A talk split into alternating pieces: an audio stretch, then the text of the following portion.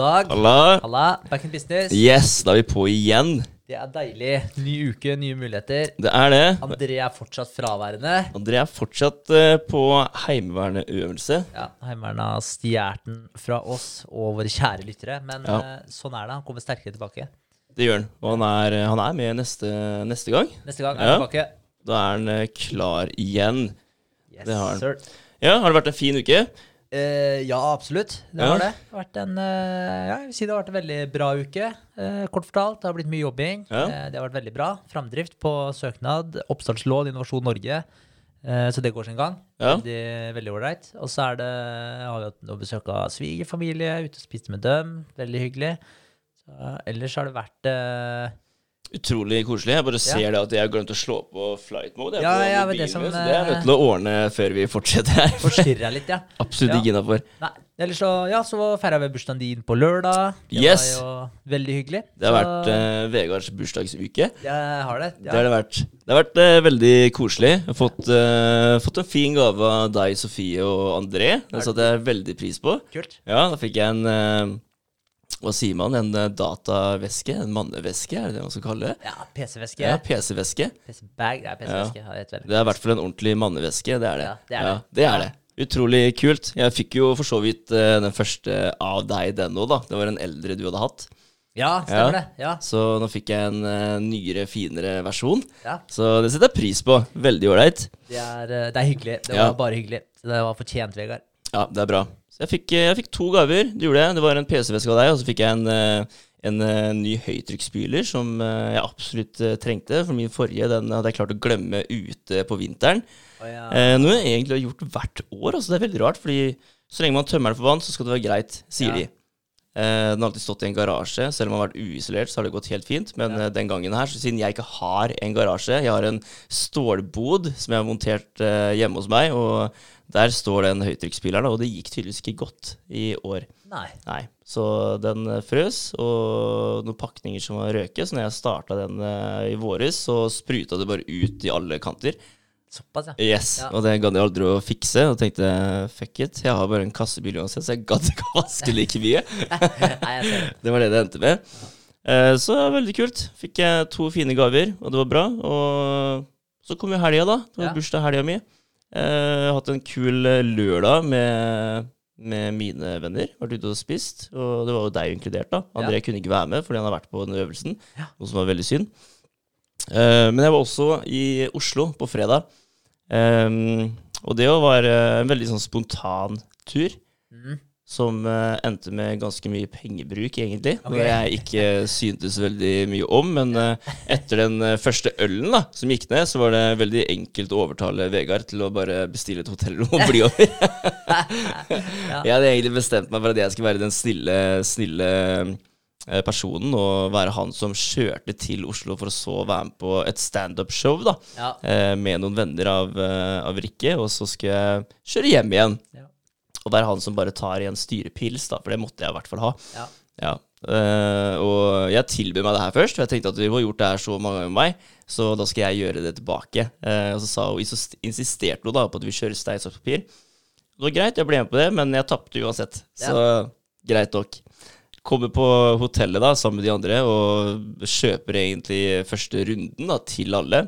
Det gjorde jeg, og når jeg sitter der med ølen da, og smaker på den og smaker på hvor godt det var, eh, så gikk jo Rikke på do, og da begynte alle sammen.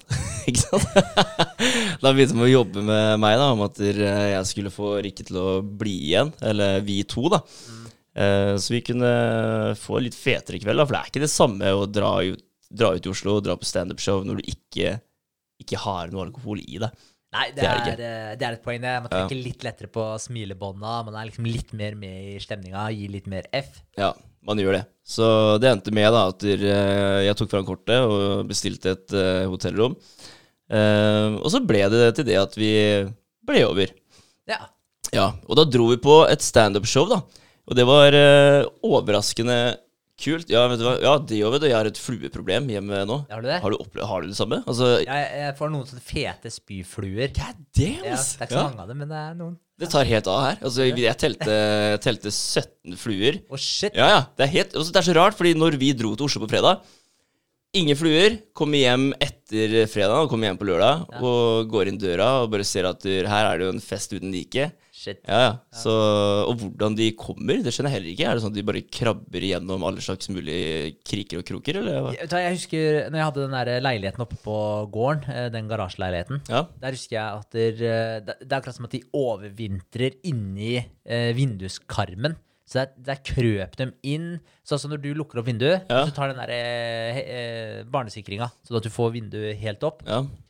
Det sporet som på en måte vindu eh, Hva heter det for noe? Stengselet til vinduet, eller hva Ja, jeg skal si Ja. Det sporet den går ned i langs vinduet der. ja. Der lå det helt insane Der, ja. med fluer. Så når jeg gjorde det, så bare spruta det ut sånne halvdøde fluer, da. For de er jo helt zombie-mode, sånn som den som fløy her nå. Grunnen til at vi faktisk kom inn på temaet fluer, fordi det var en flue som prøvde å angripe trynet mitt der. Eh, men eh, men eh, ja, så den flyr jo jævlig sakte, da. De Ja. er jo de er på vei ut. Eller på vei inn, eller hva du kaller det. ja og så hvordan er det? Så dvaler de, eller, eller, dør de? Jeg, vet du, jeg tror at de eh, Det så i hvert fall ut for meg som at de gikk i en liten sånn eh, overvintring overvintringsdvale Ja. inni da. vinduskarmen. Men det vet jeg faktisk ikke. Her er jeg utafor evnet mitt. Ja, ja. Men uh, uansett da, så er det utrolig mange fluer her nå. Og jeg har uh, Altså, det, det holder med å dytte de med hånda ut for Ja. å få de i døra. For de er jo Slappe, helt liksom. slappe, ja. ja. De er det. Så Ja. det er veldig spesielt. Men jeg har ikke opplevd det før. Det er det jeg syns var så rart. Så jeg skjønner liksom ikke helt hvor er det de kommer fra. Men uh, nå som du har nevnt uh, vinduer, så skal jeg helt klart sjekke det. Ja, gjør det. Ja. Det er Uh litt interessant. Ja, det er veldig sant. Ja, Men uh, tilbake til standupen. Ja, Ja. ja, der vi var. Det var eh, overraskende kult. Det var eh, standup med Martin Beyer-Olsen, som jeg tenkte Ok, hvem er egentlig det her? Mm. Og jeg tenkte også at det her gidder ikke jeg å søke opp. Det her tar jeg akkurat som det kommer. Ja. Eh, og det er noe som liksom kommer litt tilbake til, det med å søke opp ting. Eh, fordi jeg, jeg har ikke hørt eh, navnet før, men når jeg så den, så kjente jeg den igjen, da. Ja. Altså, det her er jo en norsk komiker som man har sett noe klipp av her og der, liksom, og går for å være en ja, morsom fyr, da. Ja. Men uh, jeg ble så sykt positivt overraska over den uh, standupen der. Det var dritkult. Det var, det var ikke en vanlig standup hvor han sto og bare prata, men det var musikk involvert, og det var uh, ferdig innspilte stemmer da, som snakka til han, som han svarte tilbake. Så det her var innøvd, ikke sant? Kult. Ja, ja, over en time, da. Og jeg bare tenkte jeg stod og tenkte for selv at fy fader, så utrolig bra jobba, egentlig. Ja. Ja, det er mye du skal huske, og den bruker folk i publikum, da. Han liksom husker hun der overlege Vibeke, da, som sitter på første rad, og bruker hun sånn sju-åtte ganger ut i hele standupen, ikke sant? ja, okay. Det er ganske imponerende, faktisk, å huske alt det greia der. Det er det. Men uh, under den standupen her, da, så nevner jo han uh, Martin uh, Beyer-Olsen, da, så sier han ordet digital demens. Ja.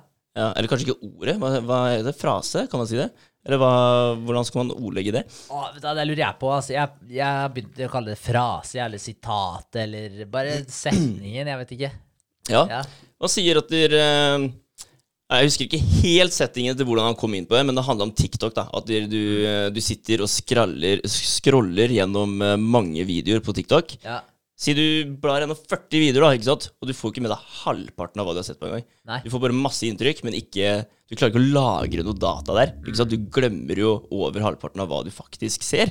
Veldig, Ja. veldig sant. Kjempeunødvendig. ikke sant? Derfor digital demens. da. Ja. At du- du tar inn altfor mye informasjon kontra hva du klarer å eh, eh, opparbeide, eller Ja, prosessere, Prosessere, og ja. lagre, liksom. ja. Det blir for mye for deg, rett og slett. Altså, du, du bare glemmer eh, over halvparten, ikke sant. Ja. Så jeg tenkte at ok, kult, det her er noe jeg Det var sånn, Når jeg hørte det, så tenkte jeg det var fett. Ja. Det her har jeg lyst til å finne ut litt mer om, da. Ja, kult, så jeg tenkte at det, det her må jeg helt klart uh, prate om. Og når jeg begynte å søke om det temaet, her, da, så kom jeg over en bok som er skrevet av en som heter uh, Manfred Spitzer. Ok. Og han har skrevet en bok som heter 'Digital eh, demens'. Aha, så det Ja. er liksom en sånn ø, uttrykk som er litt Ja, det er han som lagde det uttrykket her. Ja, så Ja. har litt fotfeste uti der, ja. Yes, det er det. Eh, og det er en bok som eh, kom ut i 2014. Og han er en tysk hjerneforsker, da.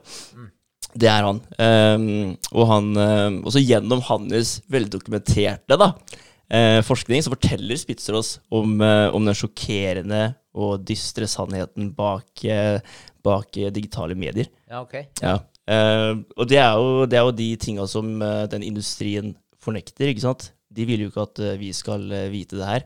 Og derfor mener han at det er veldig viktig for oss da, å faktisk tenke litt på det. For det er, det er mye bakgrunn som man bare tar for gitt da, når ting kommer. Sånn som når mobilen kommer, da.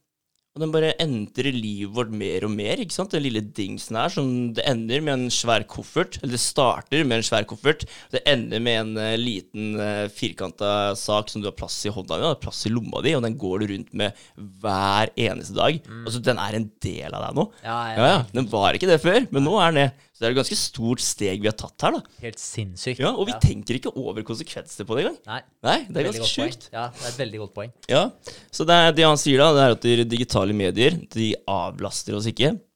De skader oss. Vi okay. får digital demens. Ok, så vi opparbeider oss digital demens. Ja, Ja. han mener det, da. Ja. Eh, og han eh, viser jo da til eh, forskjellige studier, som f.eks. Uh, PISA-studien. da. Altså Det er en type prøve som vi tar på ungdomsskolen. ja, det stemmer. Ja. Um, og det er eh, da, da kartlegger de da altså over en, eh, hva er det for en, en halv million europeiske 15-åringer. Eh, og vi måler da 15-åringenes kompetanse innenfor lesing, matematikk og naturfag. Uh, og det her blir gjennomført hvert tredje år, da. Så jeg vet ikke, jeg husker ikke helt om jeg har hatt den. Altså. Jeg er litt usikker. Nei, Jeg tror aldri jeg hadde den. Ja, Nei, jeg tror ikke det. Jeg tror bare det var noen som ble plukka ut og ta det. ja ikke sant? Har jeg for meg. Men jeg mener jeg hadde noe sånne Men det var kanskje ikke noe internasjonalt. Jeg er litt usikker. Jo, jeg tror det var internasjonalt. Det var sånn test vi hadde på barneskolen. For da husker jeg vi hadde en sånn type test. Ja, for Det det er, ikke, det er liksom ikke en vanlig test vi har. Det er eh, For jeg mente at Eller vi jeg satt og diskuterte det her med Rikke i går. da Hun mente at den hadde hun hatt. Ja. Og det var bare noe læreren kom helt random en dag og sa at det her skal vi gjøre nå. Okay, og ikke ja. noe mer uh, hokus pokus rundt det, da. Ja, nei, men jeg, jeg tror aldri jeg har hatt den. Jeg kan ikke huske at vi har hatt den i klassen i det hele tatt. Nei, ikke sant? Nei. Men uh, ut ifra det her, da, Ja. så, så viser det bare et eksempel på at de, de som eh, har av ungdommer som har PC hjemme på rommet sitt, de stiller faktisk svakere på skolen enn de som ikke har det. Ok. Ja, bare det lille der, da. Man tenker, men hva har det å si om man har PC hjemme eller ikke? Men det har egentlig ganske mye å si, da. Fordi det er en uh, annen studie fra 2014 her som viser at norske barn fra 13 år til 16 år, de har en skjermtid på over syv timer etter skole, skolegangen. da. Ok, Hva sa du nå? 13 til 16 år? De har en skjermtid på over syv timer etter skoledagen er Det er en studie fra 2014 som viser at norske barn fra 13 til 16 år har en, uh, har en total skjermtid ja, på syv timer utenom skoletiden. Ja. Ja. Og så kommer mobilbruken oppå der igjen på to og en halv time. Altså, Hvordan faen skal det gå, egentlig? Du tenker men Ja. ni og en halv time, hvordan faen funker det? Men ja, tydeligvis så, Ja. så, så gjør det det, da. Det er, men altså, da gjør vi jo ikke annet lenger, da. Nei. Jeg husker jo før, altså, altså når jeg var eh, yngre og gama, altså jeg gama jo mye, Ja. syntes jo det var eh, artig. Da kunne jeg holde på noen timer, for å si det sånn. Så det jeg gjorde, men jeg hadde alltid treningsøktene mine, Ja. så jeg var alltid på trening. eh, men eh, alle tidsromma jeg hadde før og etter trening, eh, da, da gama jeg. Ja, ikke sant? Ja, så det, var, så det, var, jeg, det var mye skjermtid på meg òg. Ja. Sinnssykt mye. Og det er jo lenge før eh, 2014. Ja, ja, ja, Ja. absolutt. Så det starta, det starta tidlig, de greiene her. Ja, men da hadde jeg ikke eh, Eller jo, vi fikk jo smarttelefoner eh, når, når var det den kom meg? Det var når vi gikk på ungdomsskolen, typ det. Ja, 8, det var det. åttende, Syvende, åttende klasse, typ da. Overgangen, var det ikke det? Ah, shit, hvilket årstall er vi på egentlig? Det klarer ikke jeg å komme fram til akkurat nå. Videregående er vel type Ja. 2008-2009, er det ikke? Jo, 2009, da gikk vi ut av videregående. Ja. Nei, unnskyld, Inn. ut av ungdomsskolen. Ja, Ja. ja. Så 2006, da starta vi, vi på ungdomsskolen. ja, ikke sant? Så vi er så tidlig ute, ja. Ja. Så vi har blitt egentlig ganske styrt da, av eh, den formen der. ja definitivt. Men jeg tenker jo nå, altså, vi, vi hadde jo ikke noe sånn som type TikTok og Instagram og Altså, Facebook var kanskje noe som begynte å bli populært på den tida der. Ja, vi hadde MSN og webcam. Det var, Ja, det. ja, ikke sant? det, var det vi hadde. Og det var begrensa hvor jævlig mye aktivitet du kunne ha på MSN, liksom. Det var det. Ja. Det var det. Så, så jeg tenker at vi slapp kanskje unna det verste. Ja, Ja. det er nok veldig sant. Og som du sier, da, altså, det var jo vanlig for deg å dra på Du drar først på skolen, selvfølgelig. Og vi hadde ikke den typiske PC-en på skolen da som det vi har i dag. Vi hadde, vi hadde heter det en sånn PC-time hvor vi satt og lærte oss eh, et eller annet eh, program. Jeg husker ikke helt hva det het, men, eh, eller hva det heter. ja. Men det var det, da. Det var det jeg tilbrakte foran, eh, foran PC-en på skolen. Og i dag så er det jo, har du alt mulig. Da har du Blackboard eksempel òg. Ja. Som, eh, som også er en form for PC, PC. Som du sitter og glor på hele tiden. Men eh, det er jo mest telefonen, egentlig, da. I dag, som er, eh, som er den store bedrageren, egentlig. Ja, absolutt. Ja. For, det, ja, for det er jo Altså, det er, det er litt forskjell når du har den i lomma hele tiden og har tilgjengeligheten der absolutt hele tiden. Fordi når jeg faktisk skulle sette meg og spille, så måtte jeg jo, jeg måtte jo minimum, minimum ha en halvtime, liksom. Jeg, Ja. jeg, jeg, du gidder ikke å sette deg ned og spille et eller annet i 20 minutter. hvis Nei, altså, bare du må komme der. inn i det. Yes. Ja. Så, så jeg måtte minimum ha en halvtime, og du skal jo sette deg der, skru på PC-en, logge på spillet. og Du, du må jo gå inn for å sette deg og game. Selvfølgelig. Mobilen den drar du bare opp den med en gang du har to minutter ledig. Så Det er veldig sant. det er veldig forskjell. Det er det. Og det som er litt kult, da, eller det som er eh, litt interessant, er at vi, vi får en kontring her, da, ut ifra den boka til eh, han eh, Spitzer.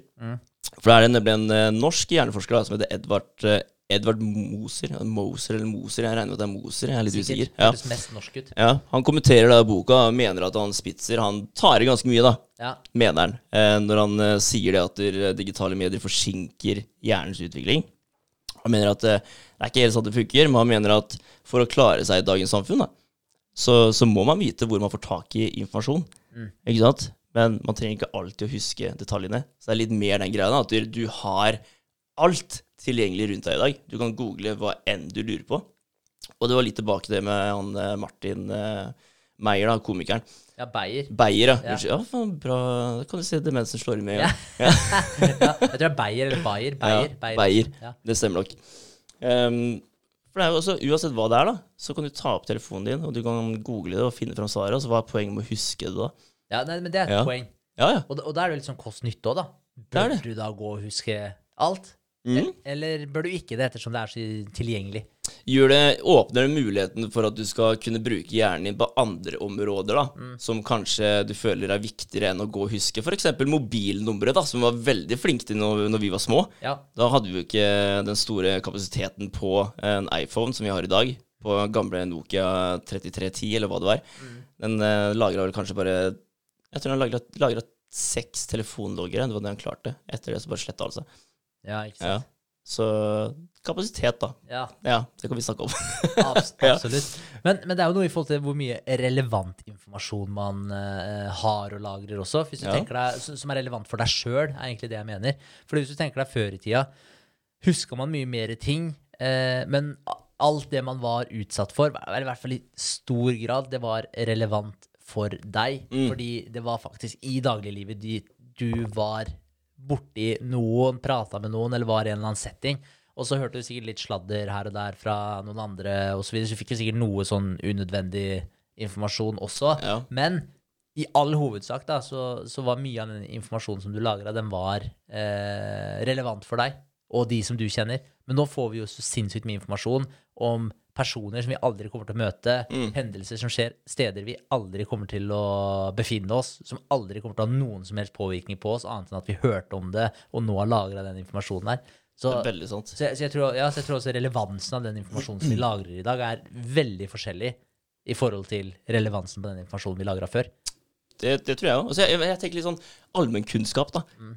Altså, det er så mye, mye enklere for, eh, for personer i dag å ikke ha den samme allmennkunnskapen som det en person hadde før. Ja, Ja, det er det. For i dag så kan du bare søke det opp. Hvorfor skal jeg, hvorfor skal jeg trenge å huske det her? Altså, jeg kan bare gå inn på telefonen min og søke det opp på fire sekunder, og så har jeg svaret. Mm. Hva er poenget? ja det er, men det er et veldig, veldig godt poeng. Det er, eh, det er faktisk det. Og jeg tenker på det innimellom, for jeg føler at jeg er veldig dårlig i sånt allmennkunnskap. Men så syns jeg alltid det er jævlig imponerende da, hvis det er en quiz eller et eller annet, så er det noe som bare er helt rå. Ja. Og da snakker jeg ikke om sånn kjendisnytt og sånn, for det, det driter jeg så langt opp i. At Ja. det, det syns jeg ikke er uh, imponerende hvis noen er god på det. Ja. Men, men jeg tenker sånne der historiske hendelser og, og sånne ting som har med landet vårt å gjøre, eh, kultur og historie i nærområdet, Mm. utviklinga til Halden f.eks. Altså, folk som har mye kunnskap om de tinga det syns jeg er imponerende. Så tenker jeg sånn, fuck, jeg burde kanskje vite litt mer om de tinga her, jeg òg. Ja, ja. Altså, en person kan komme til meg og fortelle at eh, ja, jeg kjøpte hus i eh, ja, Peder Ankers gate, da. Mm. Jeg har ikke peiling på hvor Peder Ankers gate er. Der, eh, hadde jeg sagt det til faren min, så hadde han eh, pekt ut det på kartet med en gang. Ikke sant? Ja. Så jeg er, jeg er til og med dårlig kjent i byen min. Ja, ja, ja, jeg òg. Ja, og det skyldes jo kart og GPS, da. Ja. Ja, Ja, ja, for det er også en ting. Altså, når du, Navigasjon. Når du med, ja, navigasjon. Bare se på Google Maps, liksom. ja. ja. Du blir jo Altså, bare det å tenke at Jeg husker vi kjørte jo bil eller på bilferie eh, med familien. Og vi, og vi kjørte seriøst. Eller altså, når jeg sier vi kjørte, så var det selvfølgelig foreldrene mine. For jeg og brorsan satt i baksetet. Ja. Jeg husker ikke hvor gamle vi var. Men vi kjørte faktisk ned til Italia. Mm. Og de satt seriøst med kart.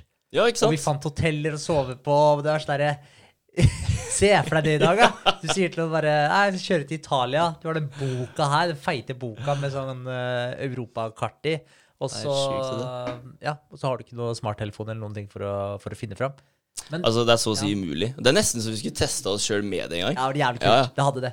Så hvis- eh, ja, det hadde vært morsomt bare for å gi oss sjøl en prøve. Ja. Fordi vi er så sykt avhengig av den der navigasjonen, og vi sitter bare og ser på den hele tiden. Så du får faen ikke med deg Nei. det som skjer rundt deg engang. Det er så sant. Det er helt tragisk. Det er så sant. Altså, jeg jobba ute som energimotor før, og Ja. da måtte jeg jo bruke kart og GPS for å komme meg til de forskjellige stedene jeg skulle jobbe.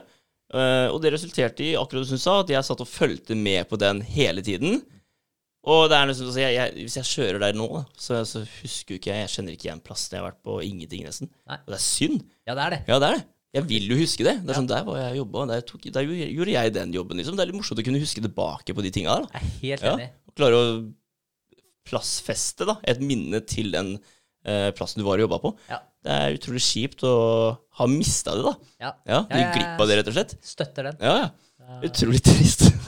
Ja, ja men det er, det er noe jeg har tenkt på når Ja. det kommer til det der eh, kart- og GPS-opplegget. Ja. Det stikker litt kjepper i hjula for å huske steder og områder. Det gjør det. Jeg tror det er veldig mye kunnskap man hadde før, som man ikke besitter i dag, fordi du har fått digitale verktøy da, som tar seg av den for oss. Mm. Så vi blir jo Altså, hva som man På de områdene, da. Eh, svakere og slappere. Ja, demente, som du sier. Ja. Ja. Det er det vi gjør. Så det er jo et poeng der. Absolutt. Ja.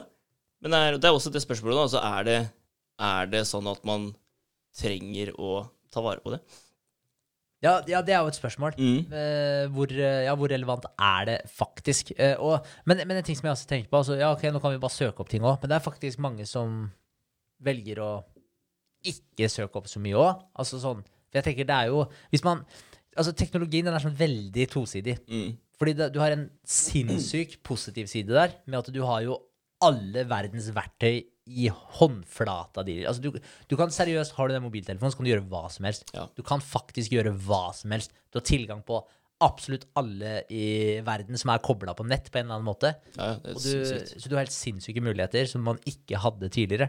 Så du har en sinnssykt positiv eh, side ved det, og så har du den negative siden. Så det er egentlig hvordan man klarer å bruke der? Altså, er det du som bruker det teknologiske verktøyet du har, eller er det det teknologiske verktøyet som bruker deg? Ja, og den er fin. Ja, Ja. For det, det er jo en avgjørelse du må ta med deg sjøl, da. det er akkurat det. ja. Velge, velge det med omhu. Yes. Ja, ja. Den er, det, er, det er vanskelig, da. Og det, er så, det er så enkelt å bli oppslukt i det. Som TikTok. Mm. At du sitter der og scroller, du sitter på do, da, og så bare fyker du gjennom video etter video etter video, og som han forteller, da, at det- blir for mye informasjon for deg, så du klarer ikke å ta det inn, da. Men tenk alle inntrykka du får, da. De får du. Mm. Alle tar inntrykk, det får du faktisk, og det har vi snakka om før om, vi tok nyheter osv. Så, videre. så hvis du har en TikTok-profil da, som, eh, som kjører algoritme på mye negativt, så bare feeder du det da, Mm. med negative inntrykk hele tiden. Det, er, eh, det, det har ikke jeg, da. Det er ikke noe negativt på TikToken min. Det er egentlig bare ting som finner meg positivt. Ja. Det er det. Så sånn sett så får jeg mye bra inntrykk, men uansett altså, så tror jeg ikke det er sunt. Nei, Nei. det er eh, Nei, absolutt. Det er eh, definitivt tosidig, ja. Men, men det å ha det bevisste forholdet For altså, alle disse eh, ja, sosiale medier, eller alle som har en app eller en plattform av noe som helst, Mm. de har jo lyst til å holde brukerne sine på plattform. Og det som også er veldig interessant å tenke på, er jo ordet brukere. Mm. Ja, ikke sant? Ja, vi kaller folk Seriøst, hvis du bruker en app, så kaller du folka for en bruker. Det, det høres jo ut som at du, at du tar et eller annet dop. Det er sjukt. Ja. Faen, diskriminerende. Ja, for du er, du er faktisk en uh, Ja, vi kaller det brukere. Ja, men du er jo avhengighetsskapende, da. Ikke Yes, sant? Så det du det. blir jo satt i den uh, båsen, på en måte. Ja, Ja. users. Ja. Så, så det er litt, det er litt fucka akkurat den lingoen der, hvis man, eh, hvis man tenker på det. Ja. Men, men det gir veldig mening òg, fordi som sagt, alle disse plattformene som du sier, da, så de ønsker jo å gjøre deg avhengig Mm. av det produktet som de, de selger. Og hvis du tenker på Facebook, Google, al altså alle disse eh, produktene i anførselstegn som er gratis å bruke, da er det ikke lenger det som er produktet. Da er det du som er produktet. Mm. Hvis en ting som du bruker, er gratis å bruke, så er det du som er produktet. Ja, For det er ingenting her i verden som er gratis. Det er veldig sant. Så, ja. så, så de kjemper jo hele tiden om oppmerksomheten din, om å holde deg lengst på plattformen osv. Så, videre. så det de gjør, altså disse store altså Hvis du ser på Pinterest, Facebook, Google altså The Social Dilemma, den burde Ja, den er drøy. Ja, den burde alle se. Ja, den er Ja. Og, og der har du jo Altså, de ansetter psykologer Ja. som er de beste på hvordan hjernen vår fungerer, hvordan bruksmønsteret vårt er, osv. Og, og så designer de eh, utseendet på plattformene til å trigge alle disse avhengige oppførslene, alle disse følelsene som de ønsker at du skal ha når du ser på plattformen deres, for å trigge den avhengigheten her. Skape alt avhengighetsskapende. Sånn som bare den like-buttonen til Facebook, den tommelen der, liksom. Det, altså, jeg husker ikke hvor lang tid den brukte på å designe den. Ja, hvor mange forslag som kom på å designe den for å få den helt riktig, da. Så den skulle appellere til, ja, igjen da, trigge det bruksmønsteret. Og det var jo også, hvis eh, folk eh, Som sagt, se The Social Dilemma. Den får deg virkelig til å tenke. Netflix-dokumentar. så hvis du eh, tenker på den, da, så er det faktisk folk som har slutta. Sagt opp stillingene sine i Facebook og Google, for de er sånn Ja, og Pinterest. Pinterest og Facebook var det vel. Ja. Eh, så fordi de eh, føler at det er uetisk, det de holder på med.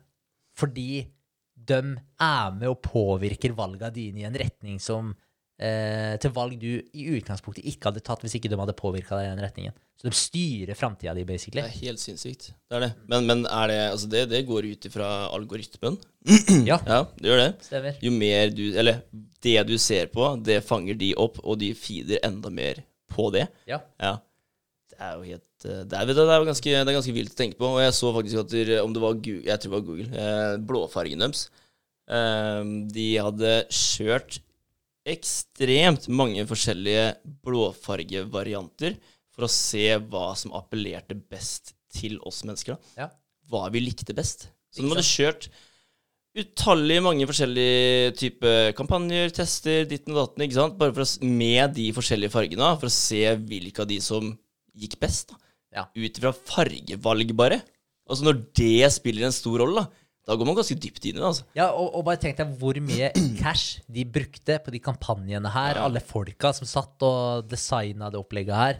Analyserte dataen i etterkant. Altså, Du brukte sikkert millioner av kroner Ja, ja. på de greiene her. Og da kan du tenke deg, altså, de gjør ikke noe med mindre det er en fortjeneste, en potensiell fortjeneste i etterkant. Så er det sånn, ok, hvis du kan tenke deg at blåfargen på Google-logoen kan være verdt så mye.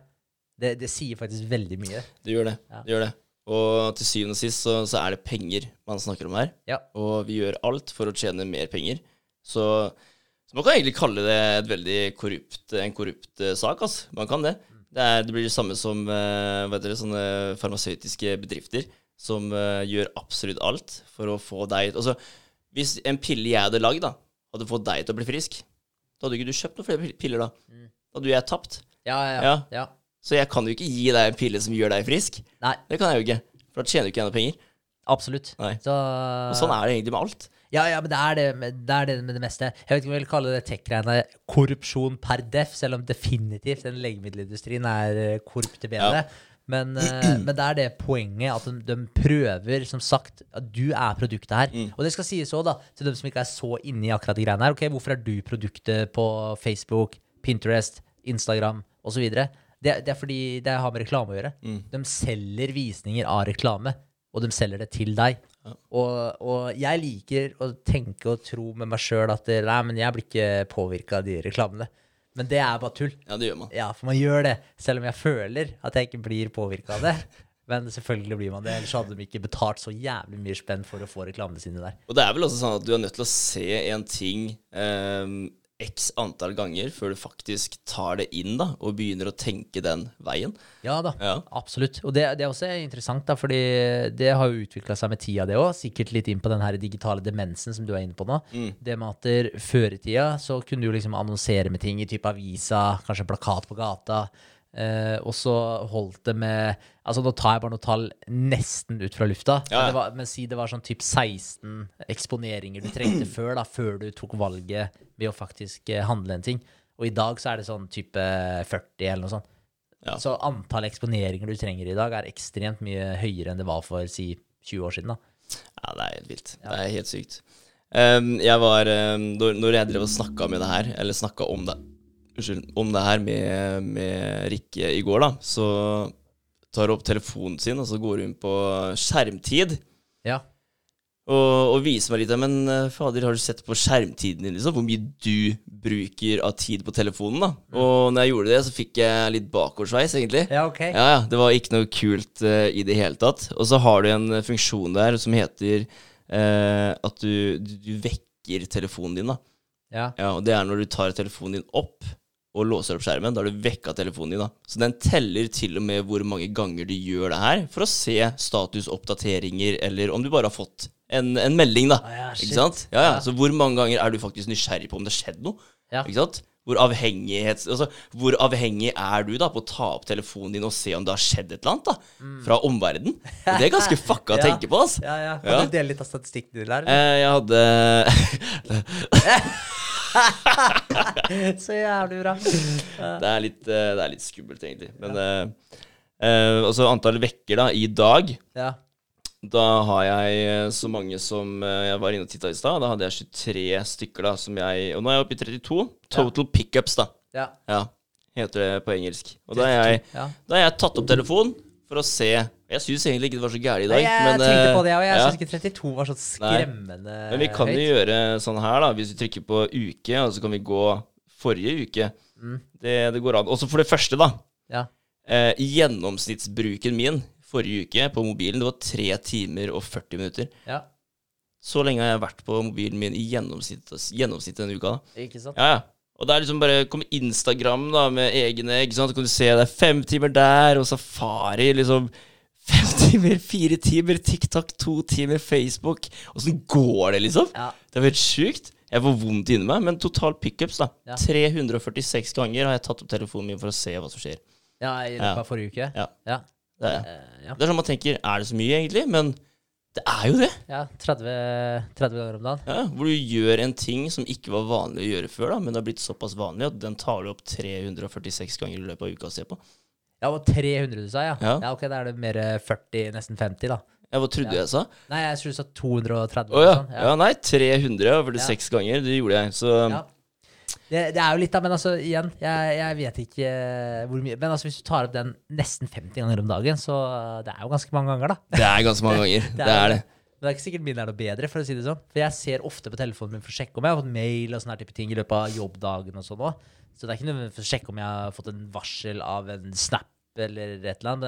Det for å sjekke pop-ups på møter og sånn. Så jeg tror min kan være stygg, faktisk. Ja, ja. Men Ja. det er jo noe med det, da. Altså, telefonen er jo livet i dag. Ja. Så du, du må faktisk ta den opp for å se. Fordi du må sjekke jobbmailen din, og du må gjøre de forskjellige tinga som er til, tilknytta ditt hverdagslige liv, da. Ja. Det er det. Så det er liksom, det er jo ikke bare sosiale medier, men uh, uansett så er det Jeg vet ikke hva man skal kalle det, men eh, jeg tror det er skummelt. Ja, ja, Ja. men, jeg, jeg er helt enig i det. Men det, det som er litt interessant å tenke på, da, det er hvis man deler opp eh, ting i sånne små bolker. Si at du sitter på dass, da. Og så forlenger du dassbesøket ditt med ti minutter fordi du sitter og scroller på, på telefonen. Og så hvis du gjør det hver dag i en uke, så har du brukt én time og ti minutter lengre på dass, da. Og scrolla på de greiene du holdt på med. Det er én time og ti minutter i uka. Og så tenk deg hvor mange sånne femminuttere, timinuttere som du forlenger, da. Ved, fordi du sitter og scroller. Ja. Så du hadde egentlig tenkt å gjøre en ting, men så satt du og titta på et eller annet, og så, og så Altså si du skal vente på en ting, da. Uh, så du, du skal vente i eh, ti minutter Mm. på at et eller annet skjer, eller fem minutter på at du kan gå og gjøre en ting. Det er et eller annet du venter på. Og så setter du deg og holder på med telefon. Så blir det fort at det er ikke akkurat når du kan gå og gjøre den tingen at du gjør det, da, men så sitter du ofte kanskje fem minutter til, da. Ti minutter til, og sitter og scroller på telefonen. Strekker ut tida, ja. Strekker ut tida. Gjør det. Så, så hvis man ser på den akkumulerte tida som man kaster bort her, så er jo det helt sinnssykt mye. Men da er man jo igjen tilbake på Er det teknologien som bruker deg, eller er det du som bruker teknologien? Mm. Fordi hvis du faktisk går inn og benytter tida di på den enheten der, for du kan jo styre opp det sjøl, benytte den tida til noe fornuftig, noe som faktisk drar deg mot målsetningene du har her i Mm. livet, så, jo, så vil jeg jo si at det er en fornuftig bruk av eh, tida. Det er det. Altså, det er jo et verktøy. Ja, Det er det. Du må bare lære å bruke det. det er akkurat det. Ja. Så, men det er vanskelig, da. Når du er tenker at det sitter eh, genier der ute som er betalt halvannen til to millioner kroner i året for å få deg til å bruke den plattformen. Så altså, du er jo Det er deg mot eh, verden, for å si det sånn. Det er sånn. klart det er det. Altså, jeg tenker, eh, sånn som når vi sitter og jobber, da. Um, og du sitter foran dataen og jobber og holder på, og så skal du ta en dopause. Ja. Da går jeg på doen, og så tar jeg opp telefonen og begynner å se på den. Ja. Ikke sant? Det er ikke sånn at jeg sitter og tenker på ting for meg sjøl. Jeg tar opp den jævla telefonen og begynner å titte på andre ting. Du får ikke en pause da. Det er ikke pause da. Da bare feeder du en ny informasjon, da. Ja. Ja. Og, det, og det, gjør, det ødelegger egentlig arbeidsforholdet ditt òg, da. For da, er du plutselig over på noe helt annet. Mm. Ja. Så må du bruke tid på å komme tilbake inn, inn i fokuset ditt igjen. da. Ja, for det er et veldig godt poeng også, fordi når du faktisk drar opp den Altså, Tenk deg hvor mange inntrykk det er, da. Tenk deg, tenk deg hvor unaturlig det i utgangspunktet er at du sitter der og scroller uh, nedover uh, type Discovery på Instagram eller noe sånt. Og så har du alle disse små firkantene med masse forskjellige greier, Mm. for ingenting av dem er jo basically relatert til den andre. Nei. sånn sett. Så du kan scrolle nedover der i fem minutter, så kan du ha sett eh, 150 firkanter eh, med forskjellig informasjon på, så har du trykka deg inn på noen av dem. Ja. Og så bare tenk deg hvor mye du bombarderer hjernen din med informasjon som egentlig er helt irrelevant Mm, det er veldig sant. du er i. Det er jo også ganske rart. Altså, hva er det som får deg til å velge de videoene du faktisk velger? Det er litt spesielt. Ja. Og det er jo garantert noe de psykologene jobber utrolig mye med. Jeg tror at det, det er en video. Det, det tiltrekker uh, synet ut mye mer da, kontra et bilde. Ja, ja, Ja. Når det beveger på seg, Ja. så fanger du oppmerksomhet med en gang. Det gjør det. Og det så vi jo bare når vi satt på Ton på lørdag også. Ja. Da var det to TV-er som sto på. Jævlig unødvendig, egentlig, å ha på to filmer på en bar Ja, det synes jeg var klokka dårlig, ass. Jeg vet ikke hva klokka var engang, ja. men siden det var halv tolv, eh, tolv da. Ja. Og så går det to filmer, actionfilmer, på hver sin side der man sitter. Det er, det er forstyrrende. ja, altså hvor er tankegangen der, egentlig? Det, det skjønner jeg ikke helt. Nei, helt håpløst. Men, men jeg merka jo at fokuset mitt ble trukket i den TV-en ofte. Så jeg måtte jo fokusere på det. Vet du, nå må du drite i den TV-en faktisk, og være der hvor du er. Ja, men det var jo actionfilm, jo. Man kan Ja. ikke ikke se på det. Nei, men der ser, man, der ser vi jo lett hvor virkelig vi er. Ja. Så det er, jo, det er jo helt latterlig. Det er veldig sant. Um, sosi- sosiale medier det er dagens måte å kontakte hverandre på. Altså alt fra Altså Det, det er litt kult, da, Henrik, fordi du har jo gjort eh, en greie en gang hvor du valgte å slette Facebook. Ja. Ja, det har du gjort. Eh, og da tenker jeg med alt fra altså, invitasjoner, daglige samtaler osv. Det var jo mye som gikk gjennom Facebook da òg. Absolutt. Ja, og det endte jo med at du faktisk måtte laste ned Facebook til slutt for å kunne lage de gruppene og invitasjoner osv. som hadde i sammenheng med det vi drev med. ikke sant? Ja. Ja. Det, ja. Og det var, eh, det var faktisk en interessant opplevelse. Jeg er veldig glad for at jeg gjorde det. Kall det et eksperiment, eller kall det hva du vil. Ja. Altså, det er virkelig mye som er interessant med det der. Fordi i starten, når jeg sletta Facebook, og så Åssen var det igjen? Det eneste jeg hadde igjen, var Instagram. ja. For det brukte jeg liksom ikke så mye. Så, så jeg tenkte at eh, Instagram beholder jeg. Så sletta jeg Snapchat, Mm. og så sletta jeg Facebook. Ja. Det var de to som på en måte det var mest kommunikasjon på, og mest mulig Som jeg brukte mest tid på, egentlig. Som var mest varsler, var egentlig greia. Og så, så sletta jeg de to. eh, og, så, og det første jeg merka, det var jo at der, eh, jeg var jo dritavhengig av telefon. Og da snakker vi om de pickups-greiene som du snakker om nå. Det med at du sjekker telefonen om det har skjedd noe. Jeg gjorde det hele tiden. Ja, ja. Og det hadde aldri skjedd noe. Aldri, liksom. Og, så, og da var jeg sånn Så det var så jævlig tett, da. Det ble så tydelig for meg, fordi det, det skjedde aldri noe. Eh, fordi hvis noen skulle ha tak i meg, så var det som regel Da ringte de, eller så sendte de en melding. Men hvor ofte er det folk sender en tekstmelding? Det er ikke så jævlig ofte. Nei, det er ikke det. Nei. Vi sender en del tekstmeldinger, faktisk. ja, vi gjør det. det gjør ja. vi. Så, men, eh, men eh, Så det var litt interessant, Fordi da merka jeg sjøl hvor ofte jeg plukka opp den telefonen. Mm. Fordi det skjedde aldri noe der. Så jeg hadde ikke noe grunn til å plukke den opp. Og når det da ikke skjer noe der, så blir det veldig tydelig for deg at du, nå plukka jeg opp telefonen igjen, og det har fortsatt ikke skjedd noe der. Forrige gang plukka han opp, det var to minutter siden, og det hadde fortsatt ikke skjedd noe. Så det, så det, blir, så, det blir så tydelig for deg, da. Ja, men det det, var er, det, er, for gærent, vet du. For da, da har du havna inn i den loopen, ikke sant. At det er telefonen som styrer deg, og ikke du som bruker, bruker det som verktøy, da. Definitivt. Så, så, det, så det var det ene. Det andre var jo at eh, jeg eh, Den der avhengigheten ved å ha telefon på deg, Mm. være, være tilgjengelig. Den tilgjengeligheten. Ja. For det var noe som, jeg, som slo meg etter hvert, når det hadde gått en, eh, en god stund. eh, Så jeg ikke hadde hatt det på lenge. Jeg hadde vent meg det her med å drive og sjekke telefonen og sånn. Da hadde jeg vent meg til at der, ja, altså det sykt nice med det var jo at når det først skjedde noe på telefon, så var det relevant for meg. Det var noen som skulle ha tak i meg. ja, Hver gang det skjedde på telefon, så var det et eller annet til meg. Ja. Så da hadde jeg en god grunn til å faktisk ta opp en telefon. Og det var ikke så ofte. Så du fikk jo filtrert ut ekstremt mye skit. Ja. Og så, og så merka jeg etter brått så kunne jeg glemme telefonen. Jeg hadde lagt den fra meg inne, liksom, og så skulle jeg ut og gjøre noe på gården, f.eks. Og, og jeg gikk ut døra, så hadde jeg gått eh, 20 skritt, og så var jeg sånn Å ja, telefonen er ikke i lomma mi. Så tenkte jeg eh, samme det, da. Fordi det er ikke så jævlig mye som skjer på, så jeg følte Nei, ikke ikke at jeg gikk glipp av noe av å ha den telefonen inne. Og da kunne jeg seriøst gå ut og jobbe i to timer ja. uten å ha telefonen med meg. Altså, jeg tenker jo det er en utrolig Det må være en befrielse. Ja, Det må det være. det var Samtidig. Og så tenker jeg med det, det at dere, eh, du slo av Eller du, du, du logga deg av Snapchat og Facebook og de typiske tinga som man får unødvendige varsler fra. da Mm. Ikke sant? Og det å faktisk få en varsel da som er en melding direkte til, til deg du må, du må føle på en så mye større gratitude. da Ja. Altså, ja, At du, du blir mye, mye mer glad, og at du ikke snur den telefonen i et håp om at det er en melding fra en person, og så er det bare en uh, Ja, elendig liksom. ja, Ja. ikke sant? De, definitivt. Og, og en annen ting som også var uh, veldig interessant, det var uh, at når jeg sletta Facebook, så var det seriøst en fyr altså Da bodde jeg jo i Skottland. Mm. Og da var det en fyr som jeg ble kjent med der, som faktisk sendte en melding til noen andre jeg kjente, og var sånn «Øh, Går det bra med Berger, eller? Ja, så har han det bra, liksom? Fordi jeg hadde sletta Facebook, så trodde folk det hadde klikka for meg, liksom. Ja, Ja, men sånn ja, serr. Skiller seg ut fra alle de Ja. andre. Ja. Ja, ja. Det var helt vilt. Og han sendte ikke det til meg engang. Liksom. Det var sånn, Han måtte bare sjekke med noen andre om alt sto bra til, Fordi nå hadde jeg ikke Facebook lenger. Så nå, nå var det et eller annet som ikke stemte lenger. Da. Det Det er er faen meg sykt, ass.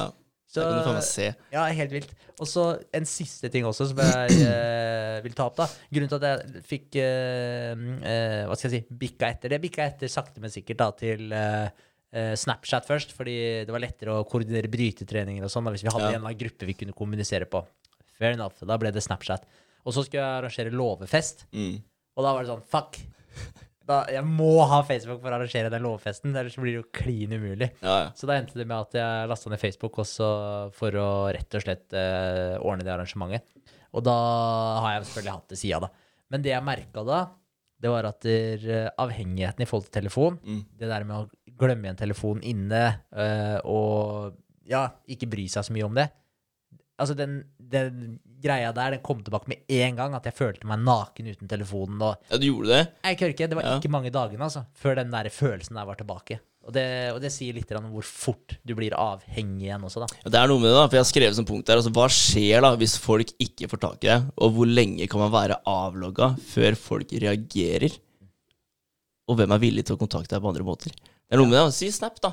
Snapchat. Også det blir Det har blitt den nye måten å kontakte andre mennesker på. Ikke sant? Så du kan egentlig få det spørsmålet da, hvis du ikke åpna Snap, eller eh, du har ikke svart på eller hva det nå skulle være, på, på flere timer, så kan du få den der, men du svarer jo aldri.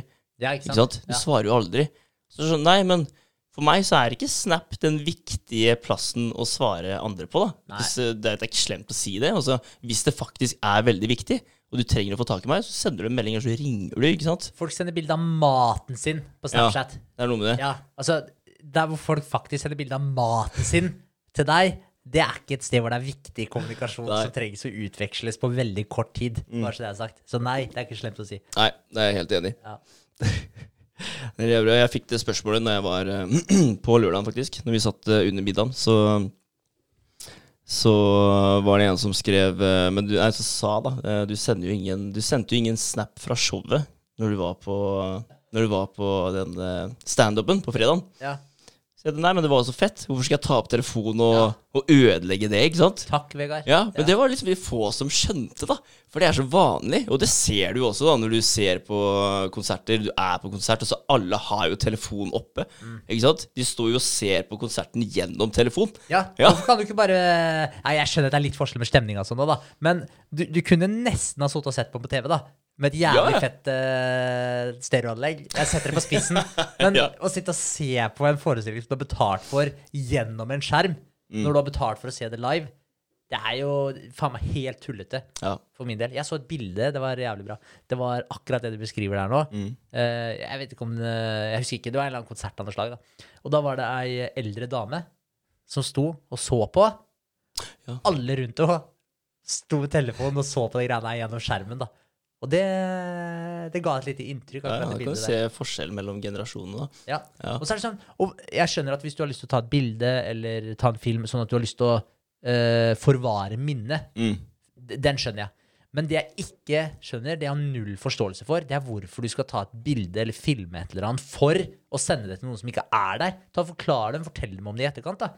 Ja, ja. Ja. Og så er det ikke litt kult å kunne, kunne skape sine egne bilder òg. Fortelle på en måte så de faktisk ser det for seg, da. Jo, jo. Ja. Og jeg har jo liksom et bilde av det der eh, showet. Ja, nå viste du meg ett bilde da når du sto på scenen der, liksom. Ja, ser Men, det. men, eh, men uansett, da, jeg har jo Nei, det var ikke jeg som viste deg bildet. Jeg tok ikke Ja. noe bilder. Det var, det var Rikke. Det var riktig. Ja, det var det det, var ja. riktig. Ja. Så, så, så Men altså bare det dere forklarte og sånn, jeg har jo et bilde av hva som skjedde der. Jeg trenger ikke å se en video av det osv. Da kan jeg heller dra og se det showet sjøl, hvis jeg har lyst til det. Ja, Ja. det er veldig sant. Det blir litt avslørende nå, da. Altså, du, du, du viser jo hva som faktisk skjer i showet, eller hva slags konsert det her var, så du får ikke den samme opplevelsen av å dra dit selv et, i ettertid, da. Nei, absolutt ikke. ikke. Da vet du, det er som å se en trailer. Ja. ja, Ødelegge filmen. helt klart. Ja. Og så er det en litt vanna ned versjon også, i forhold til det som han uh, mister uh, Bokerød, han vi hadde på Ja, stemmer. Uh, Eh, M-tabs. M-Tabs, ja. Ja. Han vi hadde på besøk her. eh, sånn som han sa òg. Han, han blir jo helt fra seg når han ser at folk ser på film på telefon. Mm. Det er det verste han ser. Og så bare Her har de brukt så mye cash da på å skape de lydeffektene og det bildekvaliteten alt sammen. Ja. Og så bare forminsker du alt sammen på den lille mobiltelefonen din. Får ikke med deg dritt ved det. Nei, Så jeg føler det blir litt av det samme der. At du Ja. forringer kvaliteten. Fordi det blir jo ikke det samme å se det på, på telefon. Det er kanskje bedre at, jeg, at dere forklarer hvor jævlig fett det var. Så har jeg et fett bilde av de greiene her. Så tenker jeg at ikke det her må jeg oppleve. Og så får jeg faktisk opplevd det. I stedet for at jeg ser et lite klipp på telefonen din med dårlig lyd og masse støy, da, fordi det blir sånn når du filmer på en konsert på, med telefon. Det er veldig sant. Og så er det det bildet jeg har av det. Og så er det sånn Ja, OK, det så fett ut, men det så ikke så jævlig fett ut. Nei, det er akkurat det, da. Altså, du, ja, det er sant, det der, altså. Ja. Det er liksom et øyeblikk for deg som uh, var utrolig kult, men fordi du tok bilde av det, så ser det ikke like fett ut på det bildet. Faktisk. Ja, noe som uh, Da får du en dårlig tilbake Eller en reaksjon da fra de personene du faktisk viser det til.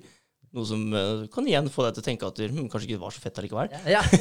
Ødelegger opplevelsen. Ja, ja. deg der. Ja. Men det var litt kult, det òg, for jeg fikk, også, jeg fikk også spørsmål om Men du tok jo sikkert opp telefonen og sjekka telefonen x antall ganger i løpet av den, eh, den standupen, selv om du ikke tok den opp og sendte en snap til andre. Og da ble jeg litt sånn derre Hm, det kan jo hende jeg gjorde det, ja. men jeg er usikker, da. Jeg vet ikke. Kan jeg bare ha gjort det på ren vane og bare tatt opp telefonen for å se, og ikke tenkt noe mer over det? For mye går på vaner her. Og det å klare å ikke røre telefonen eh, gjennom Det høres veldig svakt ut gjennom et show på 1 time og 17 minutter. ja, det er svakt. Det er svakt. Men det er der vi er i dag. Ja, men jeg vet ikke. da. Altså, jeg ble, jeg ble litt sånn tenkende. Altså bare, det kan jo hende Ja. at jeg faktisk gjorde det. Jeg er usikker. Jeg klarer ikke å svare på det. Nei. Nei, Så det er litt fucka, det òg, da. Det er litt fucka, Ja. men uh, det er jo kanskje et tegn på at du ikke har sett på noe, da. Ja, eller et tegn på at jeg er såpass avhengig så jeg ikke vet hva jeg gjør engang. Ja, det kan Ja. være det òg, da. Kan være. La satse på det førstnevnte. ja.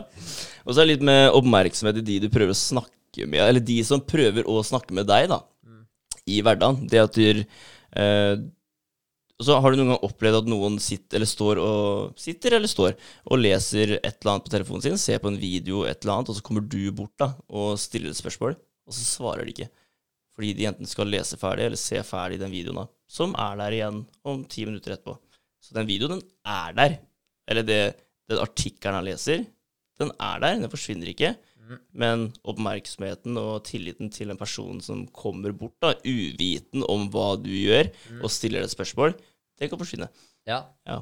Men det spørs hvor mye det haster, tenker jeg, akkurat i det tilfellet der. Ja. For det, det som irriterer meg, det er hvis du står At du har oppmerksomheten til noen. Mm. Du står og har en samtale med noen, ja. og så plinger de i lomma. Så tar de opp telefonen, og så leser de det varselet mens de avbryter samtalen som dere har, for å sjekke det varselet mens Ja. du prater, f.eks. det syns jeg er jævlig respektløst. Men å sjekke varselet, eller faktisk åpne det opp og se? Nei, det spiller ingen rolle. Nei? Altså, hvor viktig er det hvis det plinger i lomma di? Hvor viktig er det? det altså, telefonen din ringer ikke. Det plinger i lomma di. Hvor viktig er det? Det trenger ikke være viktig. Nei. Men uh, altså, det, det her har vi snakka om før, da. Altså, Ja. Det å si ifra, da. Hvis vi to eh, er sammen, så kan jeg si til deg at eh, vet du Henrik, i løpet av den kvelden her så kommer jeg til å få en eh, melding da, som er ganske viktig. Så jeg er nødt til å sjekke telefonen hver gang det plinger i lomma mi, f.eks. Ja. Ja, og da har jeg gjort deg observant på det, da.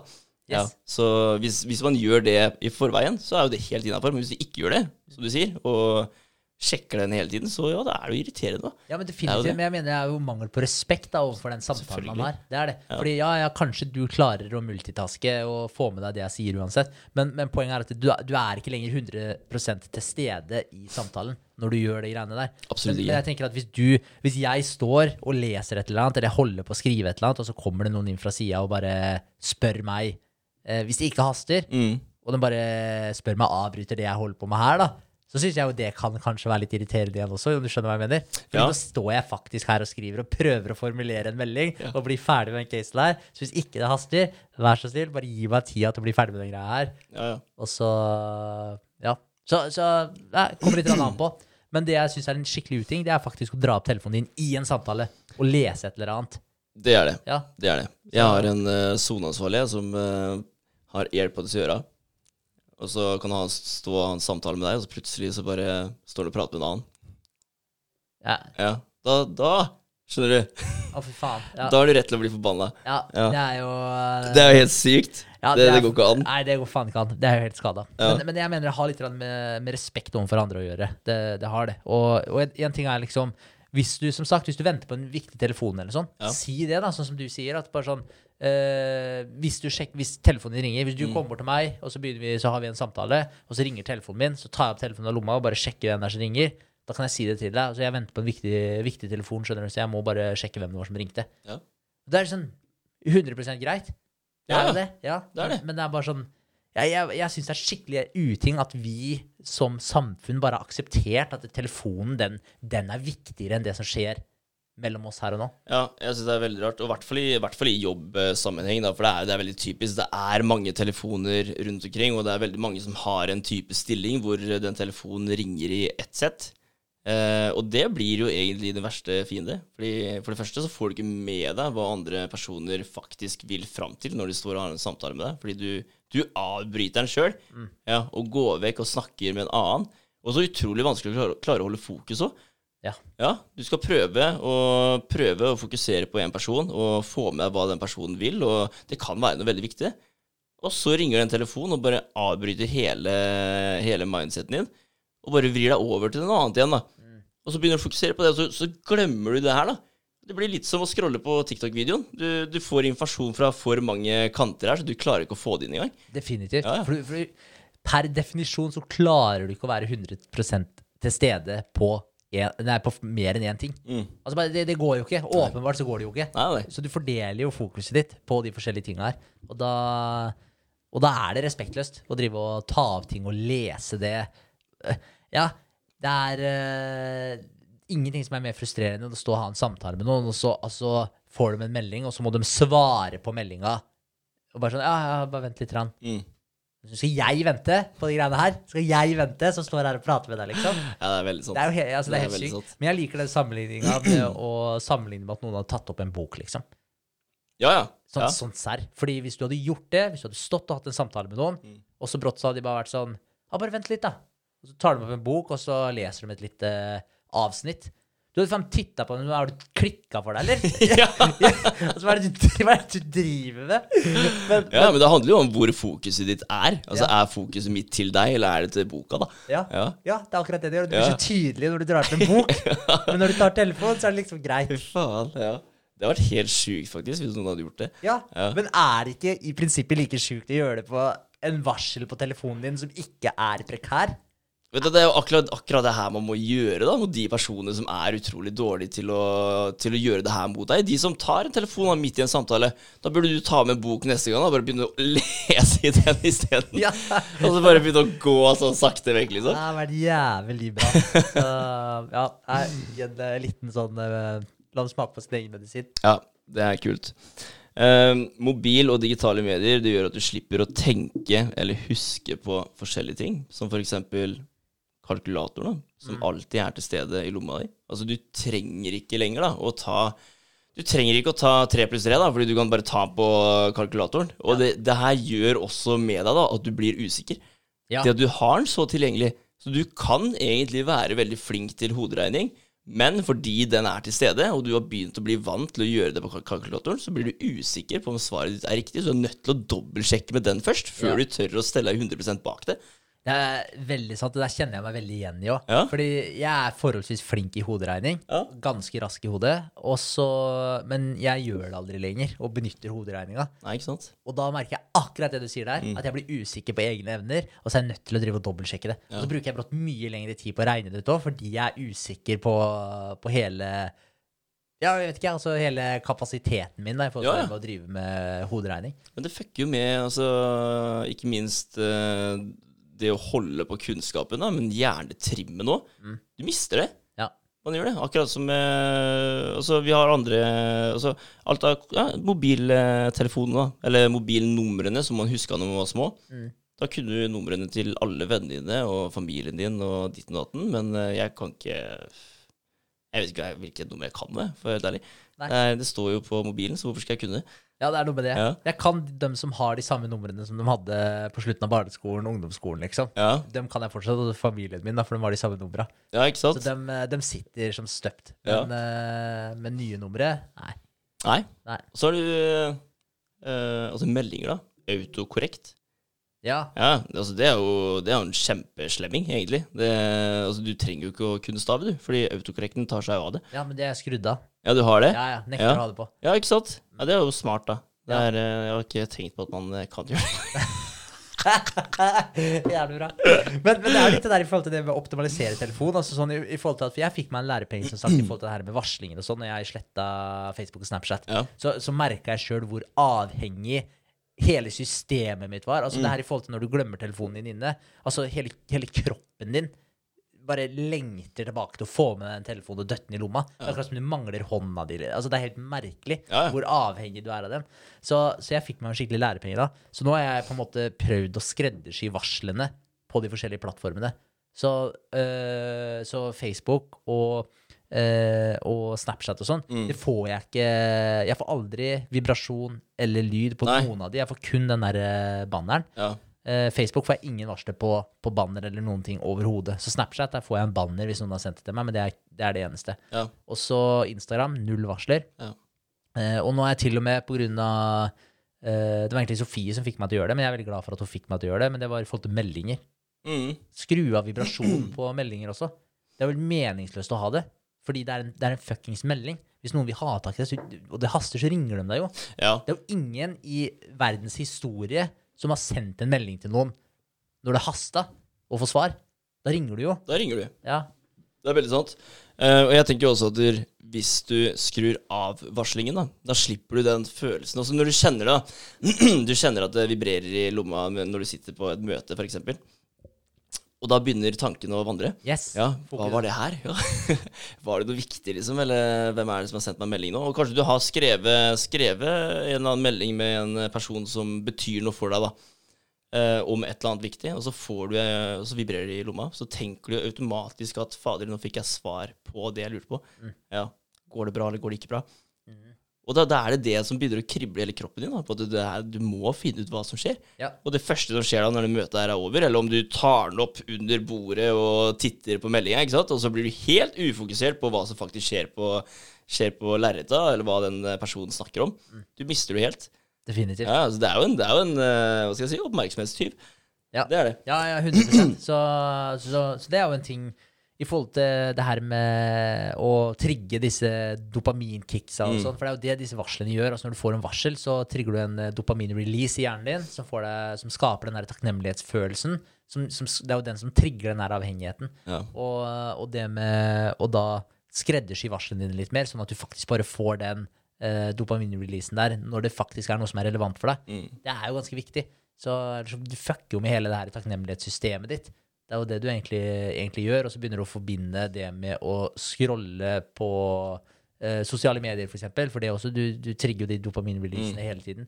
Og, så, så du begynner jo å assosiere det med en god følelse av at du gjør noe riktig. Ja, ja. Ja, for, for altså en dopam, dopaminrelease, det, det skal du få når du er ferdig med en treningsøkt. Det skal du få når du har vaska huset. Det skal du få når du har laga et godt måltid og, har- og har forsynt deg med det sammen med samboeren din.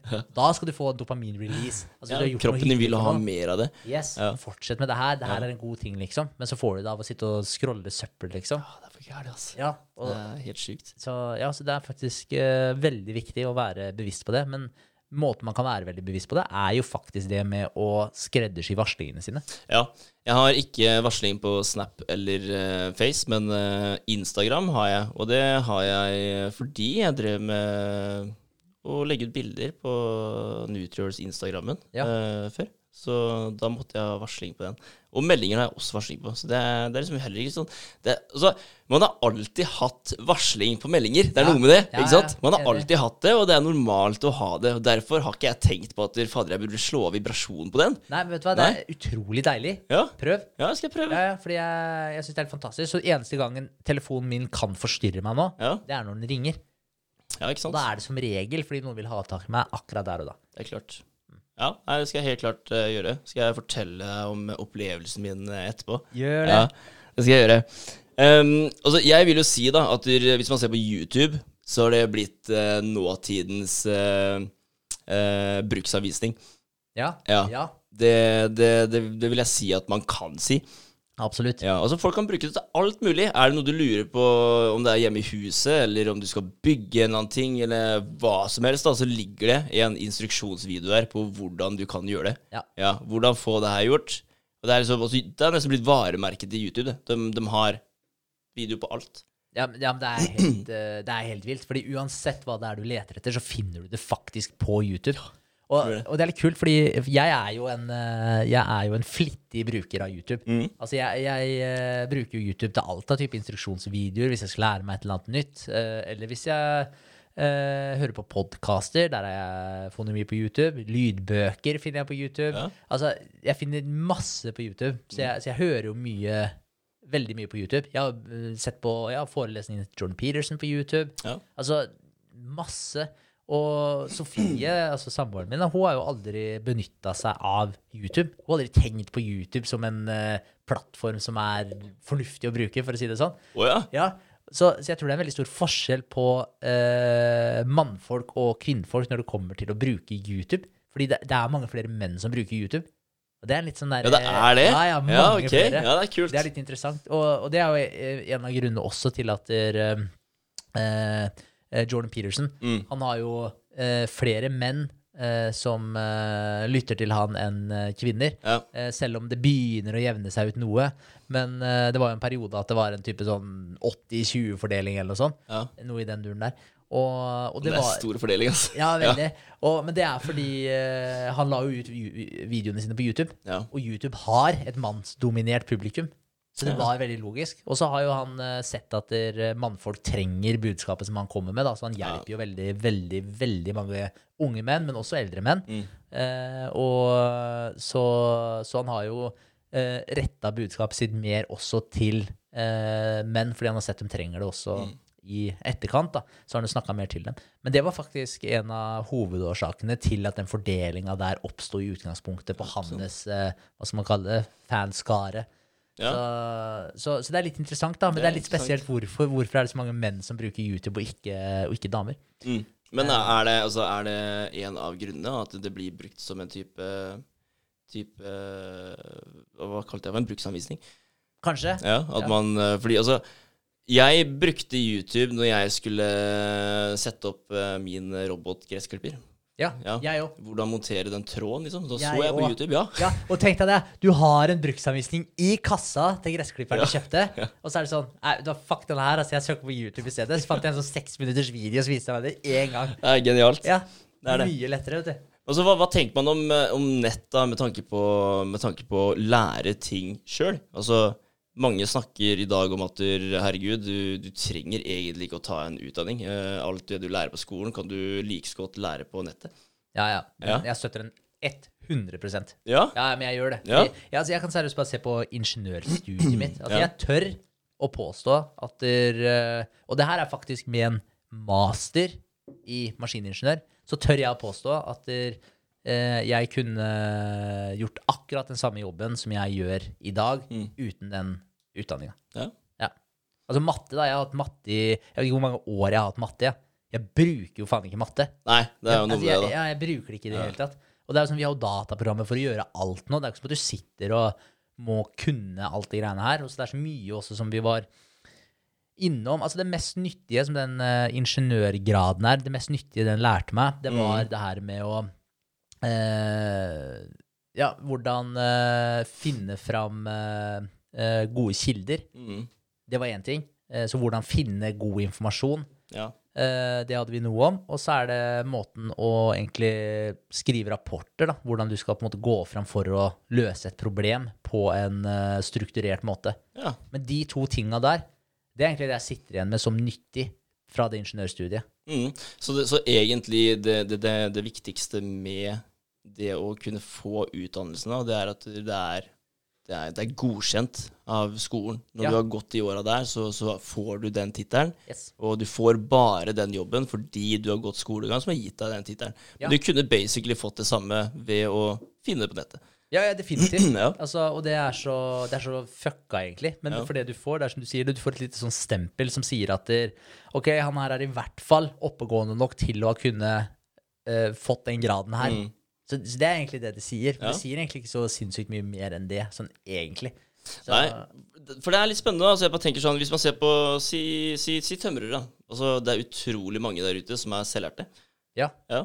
Og jeg er litt usikker på hvordan det her funker, men det er jo såpass mange der ute som er selvlærte. Og jeg tenker eh, Vi hadde jo besøk av eh, Karl Arne, da. Geir for en eh, stund siden. Som eh, skal åpne opp eh, mulighetene for eh, IT-utviklere uh, ved å få jobb selv om de ikke har utdanningen. Men de er jo selvlærte. Og de har, sitter på kunnskapen. De har bare ikke fått det stempelet at de, de er godkjente, da, fordi de har fylt kriteriene til en skole. Ikke sant? Men de har jo henta informasjon på internett, da. Det er jo basically det de har gjort. De Ja, ja. elsker, de elsker eh, datasystemer og nettet, så de, de bruker det her som et verktøy til å lære seg å bli bedre da, innenfor den nisjen. da. Men da kan det også diskuteres, da. Er det, er det mennesker som kanskje ikke har den samme eh, allmennkunnskapen som andre har, fordi de har eh, gått all den skolegangen de har gått, eller sosiale evner, da, som andre, fordi de har gått den skolegangen de har gått. Det er, det er litt sånn noen punkter som er vanskelig å feste der òg. Ja, definitivt. Men, eh, men jeg tenker sånn Altså, de skillsa som de har lært seg, altså hvorfor i all verden skal vi eh, lære nynorsk, for eksempel? Mm. Altså bare sånn Hvorfor skal vi gjøre det når vi aldri noensinne Noensinne kommer til å bruke nynorsk? Og hvis det er et program som går på TV på nynorsk, så er det jo faen meg teksta Ja. på bokmål. ja, ja. Så, det er, så det er sånn Når i all verden er det du kommer over nynorsk, liksom? Og det skal du sitte og bruke tid på Mm. å lære deg. Og så, og så er det sånn, hvis du sitter og ser på matte og sånn òg, det er sånn Vet du hva, jeg, jeg, må, jeg må dra en liten sånn der eh, Et lite Ja, eh, En liten side note her. For jeg har hørt en podkast, og den vil jeg anbefale alle å høre på. Eh, Den var på Podkasten heter The Renaissance of Men. Ja. Og der var det en fyr som heter Matt Beardrow, som var på den podkasten her. Mm. Og han starta opp sin egen skole, og den er da Fordi han likte ikke det Ja, hva skal jeg si, det tradisjonelle skolesystemet. Fordi han mente at vi eh, eh, Ja, hva skal jeg si At vi hemmer drømmene til, til barn, og at vi egentlig da lærer barn masse greier som de egentlig ikke trenger å kunne, og, så, og så får de ikke hva skal jeg si, gjort utløp for de tinga som de virkelig er lidenskapelige for, hvis ikke det passer direkte inn i det skoleprogrammet som allerede er satt. Ja, Så det er et likt program som skal passe for absolutt alle elever, da, er jo egentlig skole, skoleprogrammet i dag. ja. Og det er garantert sykt umotiverende for veldig mange å være nødt til å klare å måtte ta de faga de absolutt ikke liker, da. Selvfølgelig. Ja, I stedet for å bare kunne satse på det de faktisk syns er spennende, da. Absolutt. Ja. Absolutt. Og da er det sånn der, så, så det han bestemte seg for, var bare sånn der Altså enten så må For han, han bare nekta at der, Han har hatt jobba i skolesystemet lenge, da, det skal sies. da, så Han hadde bakgrunn fra eh, skolesystemet og hadde vært eh, i flere roller der. Hadde hatt noen administrerende roller osv. også. Og han bare så hvor eh, Egentlig hvor fucka det skolesystemet er, da. Og, og han eh, ville gjøre det her på en helt annen måte, så han begynte å studere noen sånne gamle måter å lære bort ting på. Eh, så, så han begynte å studere noen sånne gamle skolesystemer, egentlig. Og tenkte, Så han holdt på med det i et par år, og så brått så sa han bare til dama si at der, eh, eh, Du, uh, kidsa våre de, de kan ikke begynne på vanlig skole. Enten så må vi hjemmeundervise dem, eller så må vi flytte til Texas, for der hadde de en sånn her type skole som uh, var basert på mye av de samme prinsippene. Ja. Eller så uh, må vi bygge en skole sjøl. Mm. Og, og hun var sånn OK, what the fuck, liksom. Fordi han hadde jo holdt på i to år og lese opp på de greiene her. Så, så det her kom ut som et sjokk for, eh, for hun. Men uh, det var sånn hun skulle tenke litt på det, og da sa hun til slutt at der, uh, jeg flytter ikke til eh, Texas, for det hadde hun ikke lyst til. Uh, så Og vil ikke hjemmeundervise. Så da bestemte hun seg for at da bygger vi en skole. Mm. Og så satt han i gang med de greiene her. Og nå har de jo skoler på x antall steder eh, hvor de faktisk har oppretta disse skolene. Oi. Så de sprer det her nå utover i flere forskjellige land og, på verdensbasis. Og det er så sykt fett, det systemet, det skolesystemet som de bygger opp. Fordi de kaller alle barna helter. Det er, Ja. det er små helter. Og Ja. de ser på kidsa som at de har et uh, Hva heter det for noe? Et uendelig potensial. At de kan få til det de vil. Mm. Det er de premissene der de setter eh, Hva skal jeg si, fore for, for kidsa. Ja. Og, og da er det sånn eh, at de eh, De får da følge de interessene som de sjøl ønsker. Så hvis du er glad i å lage mat, ok, men da får du en rolle i skolekafeteriaen, og da lager dere god mat. Da Da blir det faget ditt, ett av faga, å lage god mat til de andre studentene. Ikke lage en uh, pølse- og potetstappe, liksom. Da skal Det lages god mat, da. Og så er det f.eks. matte. Måten de lærer matte på. De lærer jo basic regning og alt det greiene her, selvfølgelig. Men måten de lærer matte, det er å sette opp et driftsbudsjett for en business. Ja, ikke sant? Ja, Så når du er seks år gammel, Mm. så får du i oppgave og du skal bygge en business. Hvordan kan du få den businessen profitterbar? Ja, fy faen. Altså, tenk å få den innbarka i skallen så tidlig, ja. Ja, Det er jo genialt. Tenk, ja, ja. Også, og når jeg tenker på hvor mange uendelige mattetimer jeg har hatt, og så er det ingenting av den matta jeg bruker i dag, bortsett fra basic regning, da. Så er jeg sånn der, Det er så trist, da. Tenk om jeg hadde lært de tinga der. da, Satt opp det der, ja, driftsbudsjett og satt opp tall i forhold til det å bygge en business. Alle barna bygger opp sine egne businesser i Mm. løpet av uh, skoletida. Jeg føler at skolesystemet går ikke ut på at du skal klare deg på egen hånd. da. Nei. Du må, du må klare deg i samfunnet. Altså, du må være en, en bidragsyter for samfunnet, altså under, under en annen sin hånd, da. Absolutt. Ja. Det er, ikke, det, er ikke, det er ingen som lærer deg på skolen i dag om hvordan du skal starte en egen business, hvordan du betaler skatt, hvordan du gjør ditten og datten, da, som er veldig basic, basic i hverdagslivet. da. Det er ikke de tinga vi lærer. Nei, det er ikke det. Nei. Altså, Du kan jo ikke engang levere skattemeldinga di når du er ferdig på skolen. Nei. Hæ? Det er, det er- jo helt skammelig, egentlig. Ja, men, ja, men tenk deg det. Ja, ja. Du går, ja, hva faen er det? Du, du går jo ut av videregående når du er sånn 18-19. Ja. Og du starter her, så sier du har gått 14 år på skolen, da. Og du har ikke lært deg å levere skattemeldinga di Mm. på 14 år på skolen. ja, det er helt vilt. Det, det er helt Altså, det er så hårreisende. Ja, det er det. Faen, altså, når man begynner å tenke på de tinga her, så hva, hva skjer egentlig? Ja, ja, det er veldig vilt. Så skolen er jo der for å skape arbeidere. Mm. Ja. Ja, ja. Det, er- det er det Ja. for å holde samfunnshjula i gang. Og i utgangspunktet så er det sånn, selvfølgelig, man trenger jo folk som, eh, som jobber. Uh, selvfølgelig gjør man det. Man trenger, alle kan ikke starte en business, åpenbart. Men å starte en business er ikke for alle sammen heller. Nei. Men uh, nødvendigvis. Så, så, så det er jo greit nok, det. Men, men premissene til skolen også, det er jo basert på en sånn derre eh, modell fra gamle Sovjet, liksom. I- Ja, det er det. ja, ja. Vet du, Der skal jeg lese meg opp mer på, for det er faktisk veldig interessant. Jeg har ikke lest meg opp så veldig på det. Men, men ja, det er, det er eh, basert på en gammel sånn sovjetisk modell Oi. i, i forhold til å skape konformitet og skape eh, lydighet og, Ja, og hele greiene her. Der med den skolebjella, måten du sitter på, line up i klasserommet. Alt det greiene her er designa for å skape eh, lydige små folk, da. Ja, Så, Ja, så, så det, er, det er veldig interessant. Men poenget da med han der eh, Matt Biedro, det er at de bygger da disse skolene hvor de da Hva skal jeg si De løfter opp hver enkelt av disse individene på en så utrolig kul måte. De har en helt unik respekt for de små heltene her. At de skal opp, og de skal bidra positivt til samfunnet. Og de skal være rusta for å bidra veldig positivt til samfunnet. Så de kidsa hans De var seks og ni år gamle, mener jeg. Det kan være syv og ni år gamle. Jeg husker ikke helt. De, han var vitne til at de sto og diskuterte fram en business deal på telefonen uten, altså uten noen som helst involvering og veiledning fra han. Så diskuterte de fram et eller annet, skulle ha en eller annen stand på eh, et eller annet eh, En eller annen festivalgreie eller et eller annet. Ja. Og da skulle de selge noen varer. Jeg husker ikke nøyaktig hvordan det var, men det var, det var noe i den duren. At de skulle selge noen varer eller noe sånt. Og da fikk de da for eksempel, da, jeg husker ikke om det var akkurat sånn, men det spiller ingen rolle, poenget står.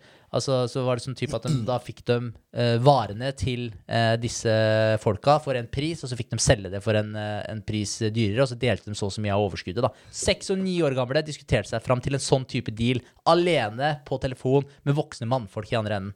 Ja, det er jo helt, vet du det er utrolig kult. Det Ja. er utrolig kult å høre, for da, da har det blitt normalisert såpass da, for de barna, at det er ikke noe frykt der for å gjøre det, for det er vanlig. Yes, Ja. det er akkurat det. Ja, ja. For de tror at de kan få det til. Og hva skjer? Jo, den får det til. Ja. Altså, jeg kødder ikke når jeg hørte de greiene her. Jeg var på vei ut fra jobb. Altså, Kjeven min bare droppa. Jeg gikk med åpen munn i sånn 30 meter. Jeg bare Går det an, liksom? Det var, det var helt vilt. Og ikke bare det, Shit, da. Han får inn også da ordentlig gode rollemodeller. Se for deg Ja. Jocko Willink. Vet du hvem Ja. det er? Ja, det gjør jeg. Så han kommer på podkasten som han har for disse elevene sine. som har et Teams-møte, alle sammen. Oi. Og så sitter han og intervjuer Jocko Willink i 40 minutter, kanskje. Og så slipper han til disse unge heltene, som han kaller dem. Eh, sånn at de får stille spørsmål direkte til de folka her. Så han bare fòrer de med sinnssyke rollemodeller som de kan leve opp til, og spørre om akkurat det de sjøl føler for. Det. Ja, det er utrolig kult. Er det her noe som eh, har mulighet til å komme til Norge?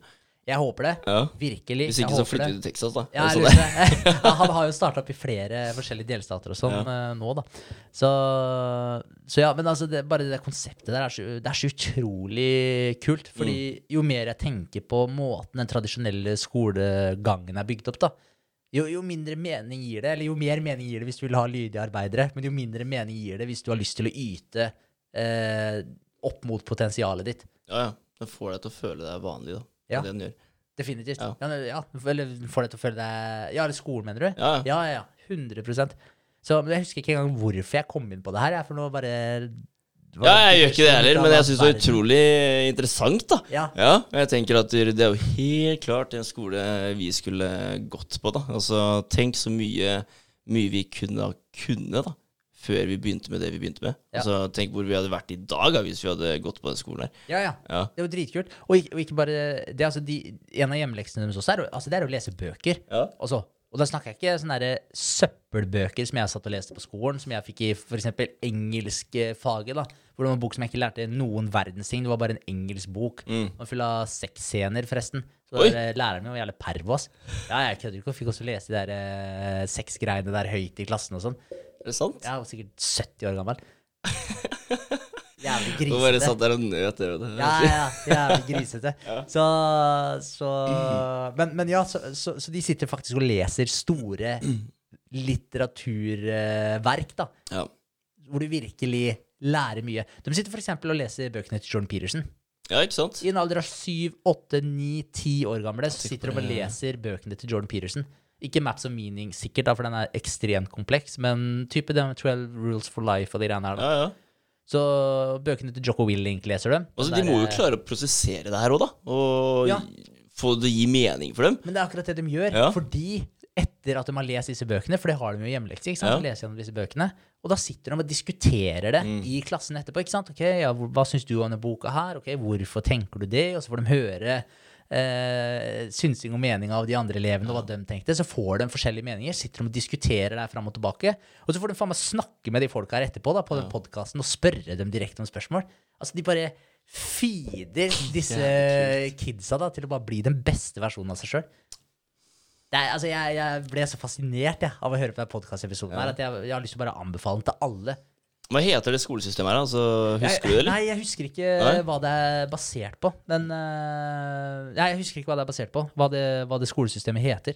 Men uh, det, er, eh, det er utrolig kult. Men det går Ja. an å søke på han uh, Matt B-A Ja, B-E-A-U-D-R-E-A-U. Han er sånn helt Ja, umulig etternavn, egentlig. Ja. Han har en Piero, podkast, han, da. Så det Ja, Ja. det, det har han. Så det ja går an skal å høre jeg den sjekke ut òg. Ja, ja, Ja, men, men altså, Finn ut gjør hva det. det her er for noe. Det Men- hørtes veldig kult ut. Ja, men sjekk ut eh, The Renaissance of Men-podkasten, for der var han gjest og snakka om de greiene her. Ja. Eh, og så bare søk på Matt Bjødrow. ja. Så ja, det er utrolig fett. Så det vil jeg anbefale alle å høre på. Komplett sjokkert. Det er nice. Vi er egentlig basically ferdig med, med Digital demens. digital demens. Vi Ja. kan jo egentlig bare ta en liten eh, hva skal jeg si, oppsummering da, på at internett og mobilbruk det er ikke Det er til syvende og sist ikke bra for oss, med mindre vi vet hvordan vi skal benytte oss av det. Men sånn er det egentlig med ganske mye. da. Ja. Ja, Det er mye annet som også, som også setter de samme kriteriene. Altså, det er farlig hvis du ikke vet hvordan du bruker det, men bruk, bruk det på riktig måte, så kan man komme utrolig langt. Absolutt. Ja. Så ja. Men, men jeg tenker det er viktig. Altså det her med Igjen, altså alltid eh, Hvis man har en eh, viss kunnskap om emnet, Mm. sånn at man faktisk kan ta de riktige beslutningene etterpå. Hvis ikke man har en ekstremt god intuisjon. Men jeg vil jo tro at de verktøyene her de er jo med å fucke med intuisjonen din, fordi de trigger den der eh, avhengigheten. Ja. Men, men det med å, å skreddersy varslinger, sånn at du er mer i kontroll over telefonen din enn det telefonen er i kontroll over deg, Mm. det, det tror jeg er nøkkel til å klare å Jeg vet ikke. Klare å hva skal jeg si, bruke det, bruke det litt bedre.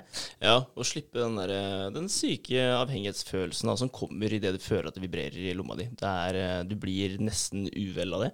Det er, ikke, det er, det er sant, altså. Når du sitter der og du, du skal ikke ta opp telefonen, men du føler at du vil ta opp telefonen. Ja. Det er absolutt ikke godt. Nei, overhodet ikke. Og så det der med å tenke litt på fokuset sitt, da, og tenke at der, eh, Altså, ikke vær en av de folka som drar opp telefonen din akkurat som at det er greit når du står og prater med noen andre. Altså, ikke vær en av de folka. Nei. For det er, det er ikke en anstendig oppførsel. Nei, men det altså, nei jeg, altså, jeg er helt enig. Ja. Jeg må bare si at det er vanskelig å ikke gjøre det òg. Ja, Det er det. 100 Ja. Og det er vanskelig å, å tenke seg om i sånne situasjoner. Det er det også. 100%. det er, det er ikke alltid man, eh, man eh, Ja, man tenker seg om, da. Og ser, ser på situasjonen sånn som situasjonen faktisk er.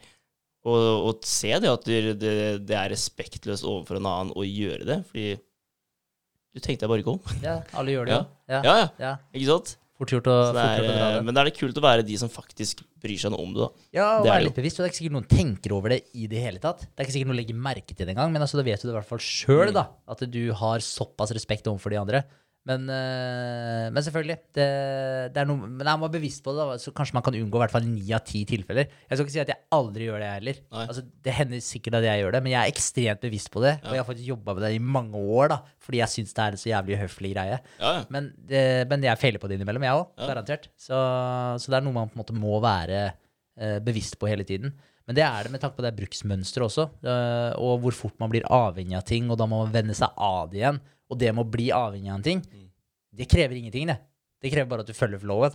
ja, ja. Men å vende deg av Den er avhengig av ting, den er verre. Mm. Da må du være så sykt bevisst på det, liksom. Fordi fingrene dine bare går, og før du vet ordet av det, så har det gått fem minutter. Og så, altså, du kan ta opp telefonen din fordi du skal et eller annet, og så har du fått et varsel på si Instagram. Så går du inn og sjekker det varselet før du skal sjekke den andre tingen. Mm. Og så ender det med at du scroller, og brått så har det gått fem minutter, og så setter du på tastelåsen og legger telefonen i lomma, så er det sånn Ja, men faen, jeg skulle Jeg skal Ja. sjekke den tingen. ja, Ja. det skjer altfor ofte, faktisk. Ja, det, ja. bare det er jo helt sykt å tenke på. Så, Det er litt flaut ja. når man får eh, Når man tar opp ting som det her og begynner å tenke på det, og man føler seg som et offer, offer i det bildet her, da. Mm. Ja. Så, ja. du, du blir faktisk litt offer her, altså. Ja, Så man er nødt til å bare vende seg, over, vende seg av det, og ikke være det offeret. Definitivt. Ja. Så, men ja, men det krever at man er veldig bevisst på handlingene sine. Mm. Men jeg tror det er veldig viktig også å tenke kanskje at man har en uh, intensjon med telefonbruken sin. Ja. Ja. Så altså, jeg har en uh, nettside som jeg eh, liker å lese på, og der er det en fyr Å, nå klarer jeg ikke å huske eh, navnet hans sånn på toppen av hodet. Men han er en, eh, han er en gründer. eh, seriegründer. Han starta Y Combinator. Det derre How to start a startup. ja. Eh, så han er jo Matt, Matt Graham, jeg tror han heter. Matt, Matt Graham. Nei, nå tenkte jeg bare på Matt Beardrow, sikkert. Han heter Ja. Graham. Ja. Ja. Uh, et eller annet Graham. Han har en uh, hjemmeside, i hvert fall, eller en blogg, hvor han skriver innlegg, hans tanker rundt diverse ting som har med business å gjøre og sånn. Mm. Og det er veldig fornuftig lesning for min del. ja, ja. Så da er det sånn, i stedet da, for å sette meg på uh, telefon uh, og åpne Instagram hvis jeg har fem minutter til overs, så er det mye mer fornuftig for meg å gå inn på bloggen hans, som jeg har like lett tilgjengelig som da Instagram, Mm. og så heller lese en, en av hans artikler. Eller om jeg får lest halve, da. Man kan lese halve senere. Ja. Men å prøve å skape uh, det bruksmønsteret der, i stedet for å gå til den her uh, defaulten din, som da er disse sosiale mediene, som i utgangspunktet egentlig bare fôrer deg søppel som ikke du husker etterpå uansett.